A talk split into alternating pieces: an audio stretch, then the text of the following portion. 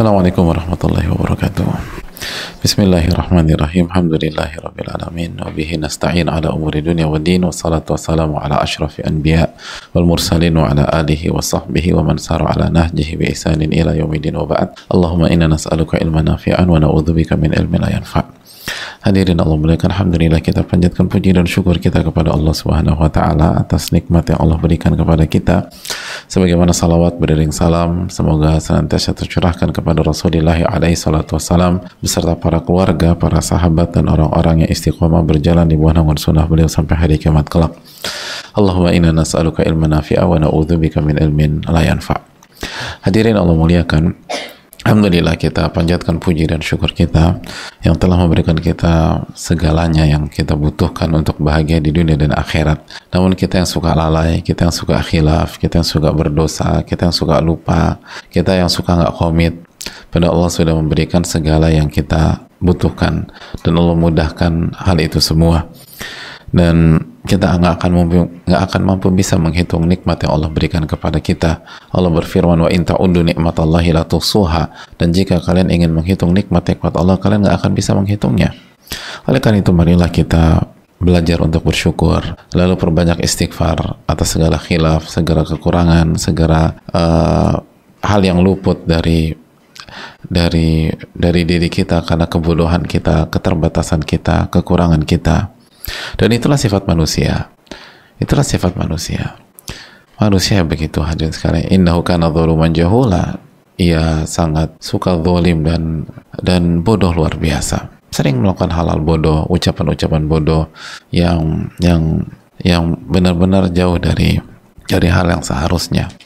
Tapi ia senantiasa ia senantiasa memiliki Rob yang maha pengampun, Rob yang maha penyayang, penciptanya yang selalu inginkan kebaikan untuk dirinya, yang selalu mengampuni kesalahan-kesalahannya, yang selalu menyayanginya, yang selalu uh, memberikan kesempatan kedua, kesempatan ketiga. Tapi kita yang suka kurang pintar memanfaatkan hal itu semua. Oleh karena itu hadirin Allah muliakan, khususnya ibu-ibu sekalian, marilah kita mengevaluasi diri, mengintrospeksi diri dan banyak bersyukur kepada Allah Subhanahu wa taala. Sebagaimana salawat beriring salam semoga senantiasa tercerahkan kepada Rasulullah alaihi salatu wasalam beserta para keluarga, para sahabat dan orang-orang yang istiqomah berjalan di bawah naungan sunnah beliau sampai hari kiamat kelak. Hadirin kembali bersama Al-Wabilus Sayyib karya Al-Allamah Ibnu Qayyim rahimahullahu taala. Dan uh, kembali bersama mutiara-mutiara hikmah yang beliau sampaikan karena ini salah satu buku yang sangat spesial bagi orang yang ingin banyak mengingat Allah Subhanahu wa taala. Banyak orang bagi orang yang ingin mengobati penyakit yang senantiasa ingat makhluk lagi, ingat makhluk lagi dan ingat makhluk lagi. Ini salah satu menu yang sangat tepat buat kita. Dan semoga Allah memberikan taufik kepada kita untuk bisa memahami dan mengamalkannya. Amin ya rabbal alamin. Hadirin Allah muliakan, kemarin kita telah menjelaskan hadis saat innahu lam yabqa min dunya fima madha illa kama baqiya min yaumikum hadha fima madha min. Ketika Nabi SAW berkhutbah uh, setelah asar di waktu sore lalu beliau menyampaikan sesungguhnya waktu yang tersisa dari dunia dari apa yang telah berlalu itu seperti hari ini. Seperti hari ini. Ketika beliau berdiri di hadapan para sahabat di akhir hari di waktu asar menjelang maghrib kira-kira itulah waktu kita. Kira-kira itulah yang tersisa dalam kehidupan ini. Maka hadirin dan ibu-ibu sekalian, tidak lama, tidak panjang, hanya sebentar. Ibu-ibu bertahan itu hanya sebentar. Ibu-ibu bertahan itu atau bersabar itu hanya sebentar. Ibu-ibu istiqomah itu hanya sebentar. Ibu-ibu berjuang itu hanya sebentar. Nggak lama. Nggak lama. Tapi nafsu kita ini yang ingin terburu-buru. Udah dikasih sebentar sama Allah tetap aja. Tetap ingin lebih cepat lagi. Dan jatuhnya keterburu-buruan dan pada saat terburu-buru semua akan berantakan. Dan itu hobinya manusia. Jadi sebenarnya bukan lama hadirin. Bukan bukan lama. Kok lama banget sih gitu aku tuh udah capek kondisi seperti ini. Apakah benar lama? Tidak. Nabi SAW mengatakan cuma sebentar. Yang bikin seolah-olah lama itu adalah tabiat kita yang suka terburu-buru ketika Allah Subhanahu wa taala berfirman tentang kita dalam surat Al-Isra ayat 11, "Wa kana al-insanu ajula." Dan manusia itu tuh terburu-buru kata Allah. Manusia itu terburu-buru. pengennya cepet-cepet jadi nggak mau sabar. Wa kana insanu ajula. Wa kana insan ajula. Jadi udah dikasih disuruh sabar sebentar pengen lebih cepat dari itu. Tapi jiwa nggak siap gitu fisik juga nggak siap. Dan itu terlalu cepat. Akhirnya berantakan semua. Akhirnya hancur. Ya sama kan dengan orang yang hadirin Allah muliakan yang diminta sabar ketika nggak punya apa-apa yang diminta sabar ketika miskin yang diminta sabar ketika nggak punya apa-apa diminta sabar ketika miskin lalu akhirnya menggunakan jalan yang haram untuk meraih kekayaan Kenapa dia lakukan itu? Kenapa dia ambil hak orang? Kenapa dia korupsi? Kenapa dia makan uang orang tanpa hak? Kenapa dia merampok? Kenapa? Karena nggak sabar. Ingin terburu-buru, ingin cepat lah. Padahal sabar. Wah, aku nggak bisa nunggu lama. Nggak lama. Sebentar.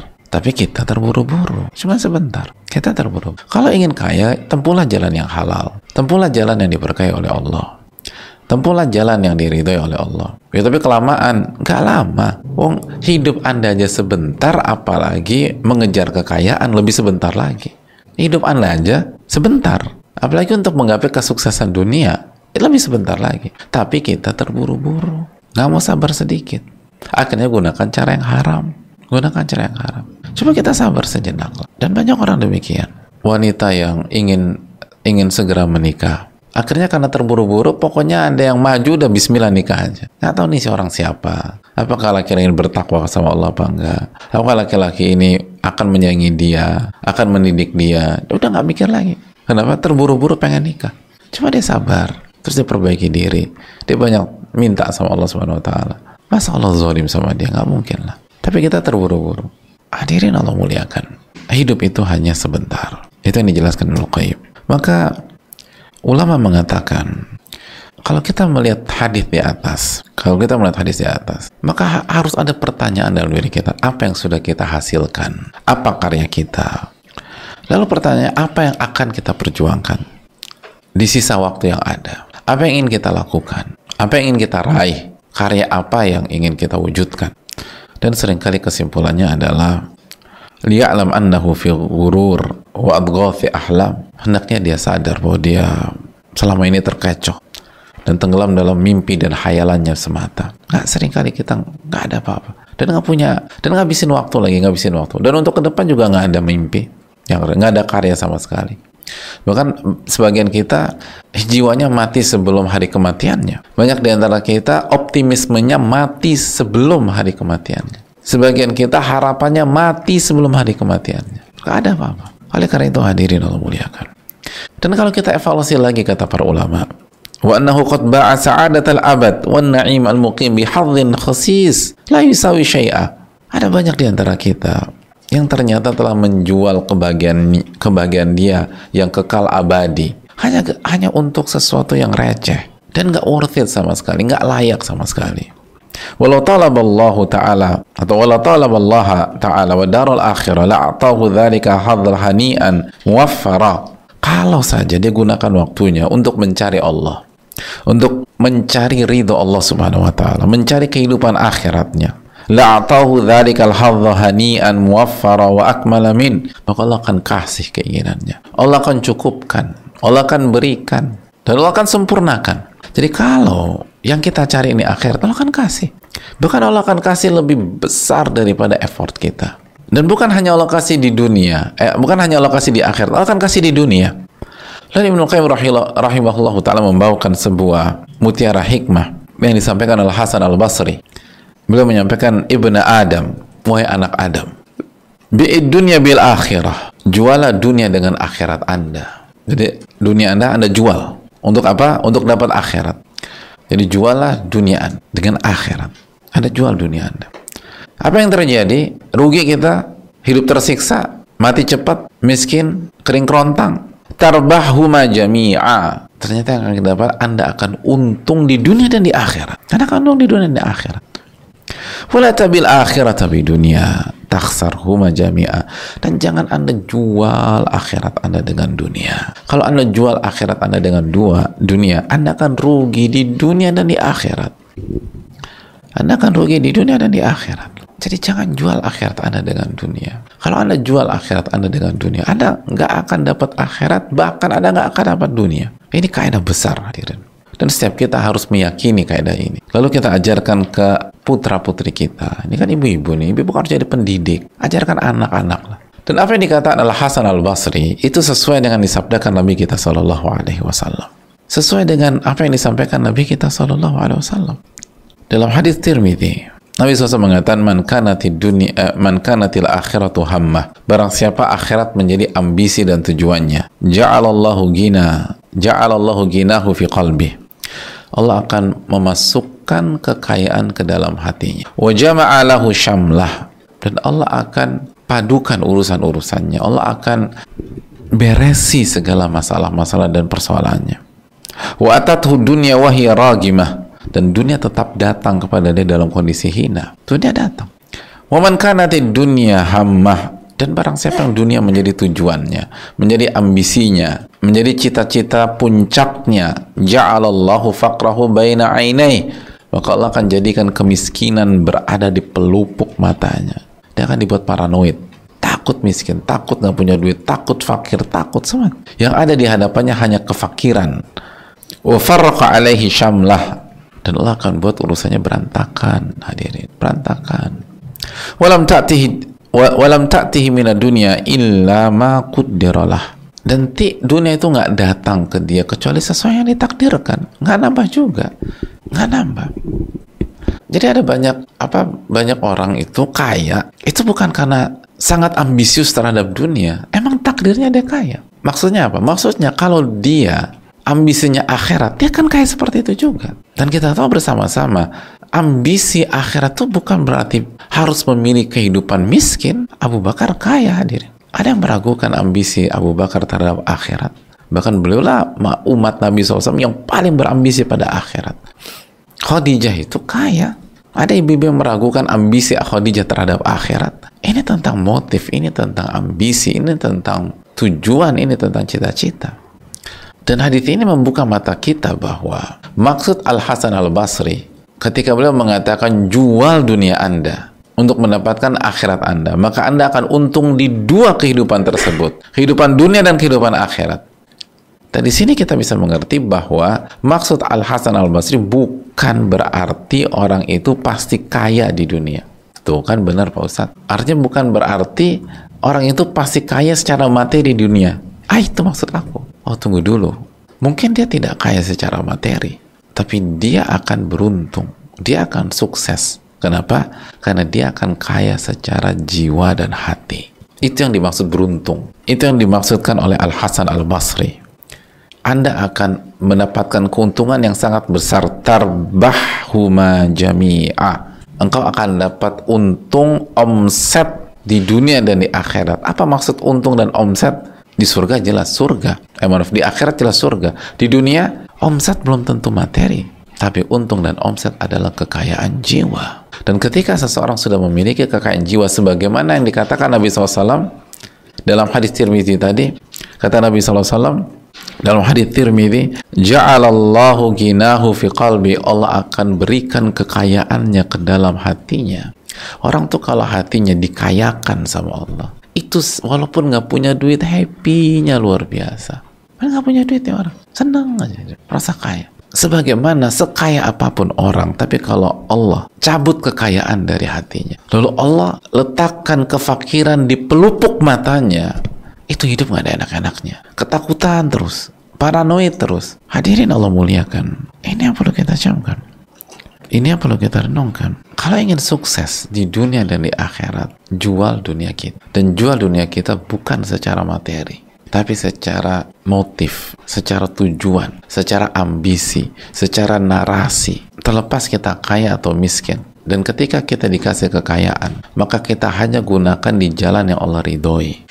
Kita hanya gunakan kekayaan kita untuk hal-hal yang mubah dan yang diridhai oleh Allah tabaraka wa taala dan hati kita tidak akan terpaut dengan harta tersebut sebaik sebagaimana apabila kita jual akhirat kita jadi akhirat yang kita jual maka dunia yang akan menjadi narasi hidup kita menjadi ambisi kita jadi cita-cita kita, maka hati kita akan tersandra oleh dunia walaupun kita orang paling miskin di dunia. Walaupun kita nggak punya apa-apa. Tapi kalau dunia menjadi ambisi kita, sengsara hidup kita. Sebaliknya, kalau akhirat yang menjadi ambisi kita, walaupun kita menjadi orang paling kaya di dunia, paling kaya di Jakarta atau paling kaya di Medan, paling kaya di Indonesia, hati kita merdeka dan hidup kita tenang kan diri, nggak ribet.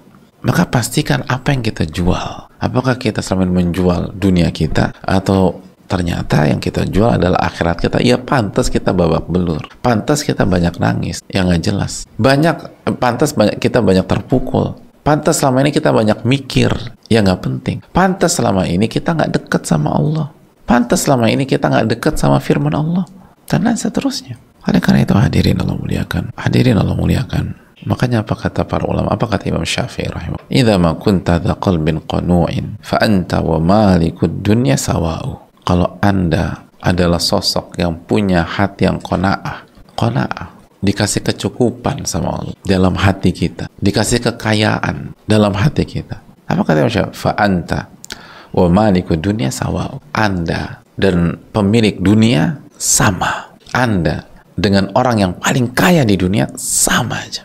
Ada beda. Ya beda lah Pak Ustadz. Aku ini ke mana-mana naik kelas ekonomi. Mereka itu pakai PG iya pesawatnya beda. Tapi hatinya sama. Secara nyikapin jadi apa yang dirasakan mereka dengan fasilitas first class atau PG dengan anda yang di ekonomi sama aja bahkan mungkin kita lebih bahagia pastinya kita lebih bahagia kalau misalnya mereka nggak bertakwa sama Allah ini kalau sama-sama bertakwa sama kita punya sahabat kayaknya minta ampun gitu kayaknya keterlaluan kita nggak punya duit sama sekali. Dia datang naik mobil premium, kita datang naik angkot. Itu sama perasaan, gak ada bedanya. Kalau sama-sama bertakwa. Kalau kita bertakwa dia enggak, kita lebih bahagia. Kita lebih bahagia. Kita datang ke apa? Datang ke sebuah acara biasa aja, nggak pakai perhiasan, nggak pakai uh, tas branded, nggak pakai apa pun. Teman kita dia punya dan dia pakai, bang. Itu rasanya sama aja. Kalau kita bertakwa dan kita diberikan kekayaan hati sama Allah, nggak ada bedanya.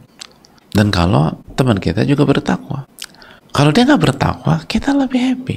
Kenapa? Karena tadi kalau dia ahli dunia, maka dia diberikan kemiskinan. Jadi ketika dia jalan tuh dengan semua fasilitas itu di depan matanya kefakiran, kefakiran, kefakiran, kefakiran, kefakiran. Aku kok ngeliat, ya ini kan abstrak. Tapi yang dia lihat itu kefakiran, kefakiran. Karena Rasulullah SAW yang mengatakan demikian. Kita mau dulu Nabi SAW berdusta. Kalau Allah Mana mungkin Rasulullah berdusta? Umayyantiku anil hawa in huwa illa wahyun yuha. Nabi SAW tidak berbicara dengan hawa nafsu, tapi wahyu Allah wahyukan kepada beliau. Kita yang di sampingnya, kalau kita bertakwa, hati kita dikasih kekayaan. Hati kita dikasih kekayaan. Jangan salah paham dan jangan salah menilai dunia. Itu yang dijelaskan oleh Nabi kita Shallallahu Alaihi Wasallam. Maka maksimalkanlah waktu yang sedikit ini, jamaah dan ibu sekalian. Manfaatkan waktu yang sedikit ini untuk menjual apa yang bisa kita jual. Dari apa? Dari ambisi-ambisi duniawi yang sebelumnya. Dari mimpi-mimpi duniawi yang sebelumnya. Terus jual dengan apa? Jual dengan mimpi akhirat, dengan cita-cita akhirat. Anda akan berhasil di kedua kehidupan ini. Pasti berhasil. Opsi pertama, secara materi Anda nggak kaya, tapi Anda berhasil, Anda bahagia. Opsi yang kedua, Anda dikayakan, Anda bahagia dengan kekayaan. Jadi kan kita bicara bicara lebih filosofis lah ibu-ibu kekayaan itu apa sih kekayaan itu kan sarana apa tujuan sebenarnya nih sarana kan sarana apa untuk beli ini beli itu segala macam sarana untuk memenuhi kebutuhan kita jadi kalau kita jadi ahli akhirat mungkin sarananya ada yang nggak Allah kasih nah di antara yang Allah nggak kasih itu kekayaan tapi tujuannya mengapa kita punya uang itu Allah kasih tujuan Allah kasih atau Allah kasih saran dan tujuan Allah taala alam bisawab ini bisa disampaikan, semoga bermanfaat. Kita buka sisanya. Wassalamualaikum warahmatullahi wabarakatuh. Waalaikumsalam warahmatullahi wabarakatuh. Semoga Allah merahmati Ibnu Qayyim, keluarga beliau, para ulama, serta keluarga mereka. Dan semoga Allah memberikan kebaikan, keberkahan kepada Ustadz, keluarga, dan tim. Amin. Ya Rabbal Alamin. Izin bertanya Ustaz, Alhamdulillah atas ilmu dan taufik Allah, seorang istri jadi tahu kesalahannya bahwa dirinya telah berbuat kufur kepada suami. Apakah dengan istri bertobat sungguh-sungguh kepada Allah kemudian minta maaf kepada suami, istri masih masih bisa ada peluang menjadi wanita soleha dan menjadi istri yang masuk surga dari pintu mana saja? Karena uh, istri merasa kesalahannya begitu besar dan menyesal sehingga takut tidak dapat lagi keutamaan di atas. Wa nasihat Ustaz khairan wa iya jawabannya man bainakum baina siapa yang bisa mencegah anda dengan taubat jawabannya atta ibu minadzan bika manadzan balah orang yang bertobat dari dosa seperti tidak pernah berbuat dosa. Jadi hadirin Allah muliakan. Segera tobat dan insya Allah kalau tobat tobatannya kalau tobatnya tobat nasuha dan diterima oleh Allah tabaraka taala maka peluang itu masih sangat terbuka.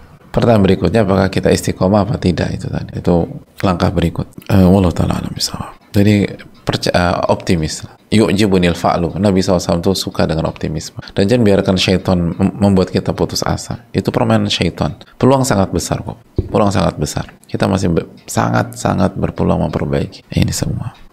Assalamualaikum warahmatullahi wabarakatuh. Waalaikumsalam warahmatullahi wabarakatuh. Semoga Allah senantiasa merahmati Imam Ibnul Qayyim, Ustadz, sekeluarga, tim, dan kaum muslimin. Amin ya rabbal alamin. Ustadz, jika merujuk ke surat Yunus 58 seharusnya saya merasa gembira karena setahun ini Allah memberikan akses mendekat bagi saya kepada Allah Subhanahu wa taala. Allah memberikan saya kemu kemudahan dalam beribadah lebih dari tahun-tahun sebelumnya. Namun mengapa hati ini masih lebih sering mengingat hal dunia yang memang saat ini kodolah sedang disempitkan Allah. Sepertinya ini yang membuat saya susah untuk gembira sebagaimana yang diperintahkan Allah dalam surat Yunus 58. Saya memaksa lisan saya untuk banyak berucap Alhamdulillah, tapi rasanya ucapan syukur tersebut tidak dengan hati hanya sekedar agar Allah tidak marah karena saya tidak bersyukur. Apakah saya munafik? Apakah saya munafik karena lisan dan hati tidak sinkron? Mohon nasihatnya Ustaz agar saya bisa lebih baik dan gembira dengan tulus. Jazakallahu wa iyyakum. Apakah uh, penanya munafik? Uh, pertanyaan konteks seperti ini pernah ditanyakan sebagian ulama klasik dan jawaban mereka insya Allah nggak munafik. Kenapa? Apa jawab para ulama? Karena orang munafik nggak akan tanya-tanya seperti ini. Jadi orang munafik nggak akan bertanya dengan pertanyaan seperti ini. Orang munafik itu nggak akan nggak akan pernah bertanya, apakah saya munafik? Enggak. Orang munafik itu akan terus justifikasi dirinya, akan terus uh, mencari pembenaran, akan terus membangun personal branding, tampil keren segala macam, dan itu semua fata morgana, semua hanya casing. Yang bertanya, apakah saya munafik? Itu hanya orang-orang beriman. Masih ingat ucapan Al-Hasan, "Makhafahu illa mu'min wal aminahu illa munaf." Gak ada yang khawatir terhadap kemunafikan dan ria kecuali orang-orang beriman. Dan tidak ada yang merasa aman dari kemunafikan dan ria kecuali orang munafik itu sendiri. Jadi yang merasa aman dari kemunafikan hanya orang-orang munafik. Jadi kalau pertanyaan apakah saya munafik? Insya Terus apa dong masalahnya Ustaz? Yang pertama kita bersyukur dulu insya Allah kita bukan orang munafik. Insya Allah ya. Sebagaimana keterangan para ulama.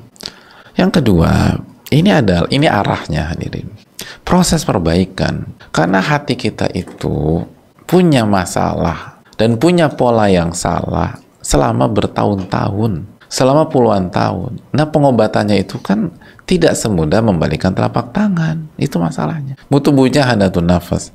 Dan penanya menyampaikan baru dua tahun tua dua tahun tuh baru. Jiwa itu tuh bertahun-tahun hadirin.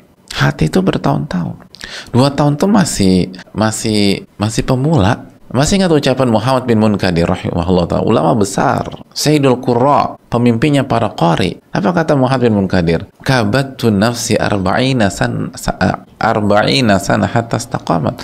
Saya itu kondisikan jiwa saya, hati saya 40 tahun baru bisa istiqomah dan stabil. 40 tahun. Berarti kurang 38 tahun lagi kalau konteks penanya ya Pak Ustadz 40 tahun lagi umur saya udah 50 tahun sekarang misal misalnya Loh, maksud maksud maksud 40 tahun tuh kalau di level Muhammad bin Munkadir. Ibu-ibu kan nggak dituntut harus di level itu, Bu. Gitu. Kalau mau di level nama-nama besar ya levelnya begitu. Tapi kan Allah Maha Pengasih, Maha Penyayang. Ibu-ibu nggak dituntut di level itu. Jadi insya Allah ini penanya uh, insya Allah orang yang beriman. Tetapi orang beriman itu kan levelnya beda-beda Orang beriman levelnya beda-beda. Orang baik itu levelnya beda-beda. Jadi ini insya Allah orang baik, namun masih di level pemula dan harus terus memperbaiki kualitasnya dari hari ke hari. Itu poinnya. Allah taala misal. Dan saran saya banyak banyak apa melihat eh, melihat ke sekitar ya bagaimana banyak orang tuh nggak dikasih akses ilmu sama Allah dan betapa banyak orang yang nggak nggak apa nggak dikasih taufik itu hidupnya, waktunya habis ngurusin masalah yang kalau dia selesaikan dengan ilmu itu hanya dalam beberapa saat aja selesai. Tapi gara-gara dia nggak pakai ilmu udah muter-muter begitu. Ada yang satu tahun, ada yang dua tahun, ada yang tiga tahun, ada yang empat tahun. Ada seseorang konsultasi kalau nggak salah ya kalau nggak salah beliau tuh punya masalah udah enam tahun berkutat dengan masalah ini terus bicara lalu saya sampaikan keterangan kurang lebih 6, 10 menit 10 menit lalu beliau beliau kayak kebuka gitu ya Allah Ustaz ini yang ya ini yang jadi masalah selama ini. Ini poin ini yang saya butuhkan. Ya Allah 6 tahun saya jungkir balik. Ternyata masalah selesai cuma eh, kuncinya cuma 10 menit aja. Itulah ilmu. Tapi kan sesadar apa kita pentingnya ilmu? Orang ada belasan tahun hadapin masalah yang berulang-ulang berulang-ulang berulang-ulang. Kalau Allah kasih taufik dia untuk menyelesaikan dengan ilmu hanya beberapa saat. Allah taala misal mungkin itu. Uh, Assalamualaikum warahmatullahi wabarakatuh saya mau bertanya di luar tema saat ini. Oh, uh, Assalamualaikum warahmatullahi wabarakatuh. Semoga Ustaz dan keluar dan kita semua diberi ampunan oleh Allah. Amin rabbal alamin. Uh, saya mau bertanya sebelum itu saya ingin ingatkan jangan lupa doakan ulama kita. Jangan lupa jangan lupa doakan orang-orang yang memberikan ilmu kepada kita. Doakan keluarga mereka. Doakan uh, orang-orang uh, yang mereka kasihi. Karena itu adab dalam dunia ilmu ketika kita dapat ilmu dari Ibnu Qayyim rahimahullah dan para ulama kita doakan Ibnu Qayyim rahimahullah taala jadi doakan orang-orang memberikan ilmu kepada kita dan doakan keluarga mereka semoga uh, Allah memberikan uh, kebaikan dan karunia-Nya kepada mereka. Karena Nabi SAW mengatakan, Man sona ilaikum ma'rufan fakafi'uh, barang siapa yang berbuat baik kepada anda, maka balas. Kita disuruh balas. Orang buat baik sama kita, kita harus balas. Itu perintah Nabi SAW. Kalau anda belum mampu balas, doakan. Jadi kalau kita nggak balas, nggak doakan, apa coba? Jangan sampai kita menjadi hamba yang nggak bersyukur. Walaupun penanya nggak ke arah sana, tapi belum tahu mungkin. Tapi ini harus kita ingatkan terus. Jadi itu mentalitas. Kalau orang berbuat baik, gimana cara balas? Kalau bisa balas, balas. Tapi kalau belum bisa balas, doakan. Tapi kita lanjutkan. Uh, saya baru dengar tausiah Ustadz mengenai pola-pola orang yang bermaksiat dan saya mengalami sendiri pola itu. Allah buat gagal apa yang saya rencanakan untuk menikah dengannya gagal tepat di depan mata saya. Saya pernah bermaksiat dengan dia sudah mendekati zina, semuanya kecuali zina kemaluan, mohon maaf. Saya sudah bertobat dari beberapa bulan lalu mengakui kalau saya berdosa dan tobat tidak akan ulangi lagi. Tapi sampai saat ini hati saya masih terpaut hati dengannya dan saya tahu itu karena maksiat saya. Walaupun saya sudah coba zikir setiap saat sambil menangis dan sungguh-sungguh, tapi masih ada cinta dan masih ingin dengannya. Bagaimana agar hati, diri ini lupa dan berharap lagi dan tidak berharap lagi dengan dia? Mohon uh, advice-nya Ustadz kira-kira apa lagi yang harus saya lakukan dan menerima qadar Allah dengan ikhlas dan bisa fokus lagi dengan eh, bisa fokus lagi seperti semula terima kasih Ustaz Jazwayaku uh, ya terima kasih atas pertanyaan pertanyaannya uh, banyak-banyak istighfar kepada Allah terus istighfar kepada Allah lalu bangun cinta kepada Allah dan banyak doa Allah ini as'aluka hubbak wa hubba man yuhibbuk wa hubbal amali alladhi yuqarribuni ila hubbik. Minta rasa cinta kepada Allah. Rasa cinta itu kalau ada ada yang lebih ia cintai, maka otomatis itu akan sedikit atau bahkan sama sekali melupakan hal yang sebelum. Apalagi kalau hal yang sebelumnya itu cinta kita cinta maksiat dan cinta kita yang berikutnya cinta kepada Allah Subhanahu wa taala. Insyaallah Allah hilangkan rasa Allah hilangkan. Sehilang-hilangnya. Bahkan ada sebagian wanita bilang lupa, benar-benar lupa, dilupakan sama Allah. Kenapa? Karena dia mencintai Allah tabaraka wa ta'ala. Dan dia minta sama dan dan salah satu filosofi cinta kan itu. Lihat aja anak kecil kalau dia dia mencintai sebuah mainan, lalu dikasih mainan baru, itu mainan lama bisa lupa. Padahal sebulan yang lalu, ya Allah, nangisnya minta ampun kalau kalau terlambat ketemu tuh mainan atau ada yang minjem mainannya. Sepupunya minjem mainannya ngamuk dia. Begitu dapat mainan baru itu mainannya. Dibawa kabur orang santai aja. Nah itu makhluk dengan makhluk. Lalu bagaimana kalau kita benar-benar mencintai Allah tabaraka wa ta'ala? Allah ta'ala. Allah ta'ala bisa Assalamualaikum warahmatullahi wabarakatuh. Waalaikumsalam warahmatullahi wabarakatuh. Semoga Allah senantiasa merahmati Imam Ibn Qayyim para ulama beserta keluarga mereka. Begitu pula Ustadz beserta tim keluarga dan seluruh kaum muslimin di mana pun berada. Amin Amin wa Amin wa Uh, izin bertanya, ketika mendengar nasihat Ustaz tentang bagaimana ibadah-ibadah para salafus soleh lalu membandingkan dengan ibadah kita, saya sering merasa seolah tidak ada harapan sebab perbandingannya sangat jauh. Bagaimana sebaiknya kita memahami? Lalu bagaimana dengan kisah Imam Syafi'i rahimahullah yang kalau tidak salah dikisahkan khatam Al-Quran sebanyak dua kali dalam sehari? Bagaimana kita mengkomunikasikan dengan hadis Nabi SAW yang melarang khatam Al-Quran di bawah tiga hari? Jazakallah khairan wa barakallahu fikum wa iyakum. Uh, hadirin Allah muliakan. Yang pertama, kisah kisah-kisah para ulama-ulama kita itu dibacakan, diterangkan oleh para ulama untuk membuat kita semangat, bukan menjatuhkan mental kita. Tapi kayaknya nggak ada harapan deh. Itu keliru. Maka sebagaimana tadi kata yang kita bahas ketika membahas uh, bagaimana upaya Al Imam Muhammad bin Munkadir. Apa masih ingat nggak keterangan kita? Bahwa kita itu nggak di, nggak diwajibkan, nggak dituntut untuk berada di level mereka. Tapi yang kita harus ambil adalah benang merahnya, wisdomnya gitu. Wisdomnya ilmu yang kita ambil. Bahwa kita harus sungguh-sungguh, kita harus totalitas, kita harus habis-habisan.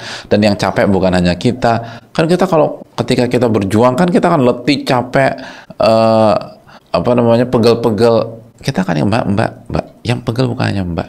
Yang capek bukan hanya mbak. Bahkan ada banyak orang lebih capek daripada mbak. Dan mereka jalan terus. Jadi nggak ada alasan mbak untuk berhenti. Itu poinnya Bukan, aduh udah selesai deh. Itu salah kerangka berpikir.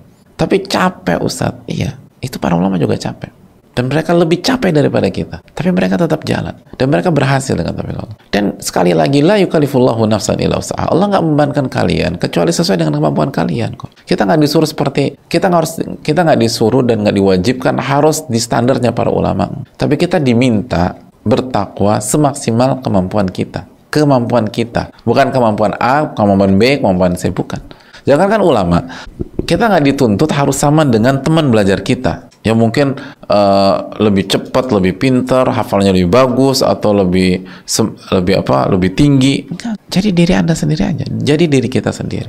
Lalu kita maksimalkan apa yang Allah kasih kepada kita. Itu poin. Allah taala bisa. Adapun Imam Syafi'i rahimahullah taala It, itu riwayat di, uh, diriwayatkan ketika beliau di Ramadan. Beliau di Ramadan dua kali khatam per hari. Berarti dalam satu bulan Ramadan beliau 60 kali khatam. 60 kali khatam.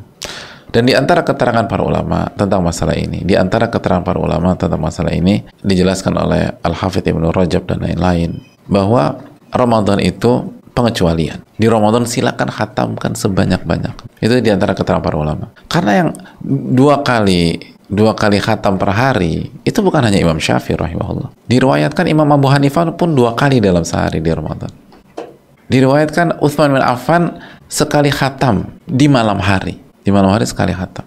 Bisa jadi di siang hari dua sekali khatam lagi. Jadi hadirin sekalian itu menunjukkan bahwa Ramadan itu beda. Ramadan itu syahrul Quran bulannya Al-Quran.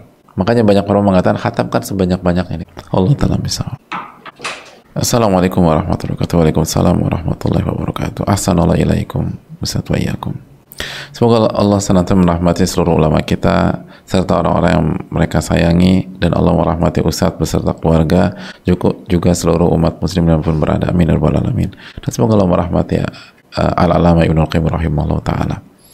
Bismillah semoga Allah izinkan pertanyaan saya diangkat dan Allah mudahkan Ustaz untuk bisa memberikan jawaban dan nasihat. Semoga Allah mudahkan. Ustaz saya sedang merasa sangat kelelahan. Saya baru menyadari tiap kali saya melihat postingan dakwah yang terlintas. Eh, saya baru menyadari tiap tiap kali saya melihat postingan dakwah yang terlintas orang lain. Entah si A, si B, si C. Padahal seharusnya saya tembakkan itu ke diri saya sendiri yang masih banyak banyak eh yang masih sangat banyak kekurangannya. Setelah mendengar perihal virus kesombongan yang Ustaz sampaikan, saya seperti disadarkan, itulah kenapa saya masih di sini saja. Ilmu tidak ada yang bermanfaat karena tempatnya sangat kotor. Saya lelah, sulit sekali rasanya untuk bangkit dari futur. Dan saya tidak tahu gimana caranya lepas dari virus ini, saya bingung. Apa yang harus saya lakukan untuk bisa lepas dari virus ini? Bagaimana caranya supaya tiap saya melihat postingan dakwah itu, saya tidak lagi terpikirkan orang lain, mau nasihat dan mau arah dan nasihat Ustaz, jazakallahu khairan wa barakallahu fikum, barakallahu wa iyakum. Uh, hadirin Allah muliakan. Ini langkah positif. Sadar itu langkah positif. Kata para ulama seperti Ibnu Qayyim rahimahullah taala bahwa langkah awal jadi orang baik itu dan langkah awal dari berubah itu sadar. Nah, itu. Dan sadar itu mahal. Kita punya seluruh perangkat, seluruh konsep, seluruh kurikulum, seluruh fasilitas. Masalahnya cuma kita nggak sadar, nggak jadi apa-apa. Tapi kalau kita sadar dan kita nggak punya itu semua, dengan taufik Allah satu demi satu bisa kita upayakan. Pelan-pelan aja, pelan-pelan, pelan-pelan, pelan-pelan, pelan-pelan. Dan yang harus kita lakukan adalah minta pertolongan kepada Allah. Dan mulailah langkah-langkah kecil. Mulai lang ayunkan kaki kita menuju step pertama, langkah pertama. Lalu langkah kedua, langkah ketiga. Nanti insya Allah lah, sabar aja sabar. Sabar. Ini kan alangkah besar ini. Sadar. Ya udah bisa itu banyak istighfar, banyak tuh.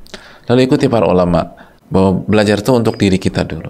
Untuk mengislah diri kita. Terapkan itu. Lalu sebelum belajar minta tolong sama Allah. Jaga zikir pagi petang. Jaga isti'anah billah. Lalu setelah kajian, gimana cara ngamalin? Langsung berpikir itu. Sebelum kajian tuh doa sama Allah, jaga keikhlasan. Setelah kajian, gimana cara ngamalin tadi materi? Kalau kita bermain simple seperti itu, insya Allah tanpa sadar kita akan banyak perubahan dan menghormati orang dan fokus pada diri. Setiap hari harus dan terakhir setiap hari harus ada muhasabah. Setiap hari harus ada muhasabah. Harus ada waktu kita mengaudit diri kita, introspeksi diri. Ini yang bisa disampaikan semoga bermanfaat dan semoga Allah memberikan taufik kepada kita. Allahumma inna nas'aluka ilman nafi'an wa na'udzubika min ilmin la yanfa'. Subhanaka la ilaha illa anta astaghfiruka wa atubu ilaik. Assalamualaikum warahmatullahi wabarakatuh.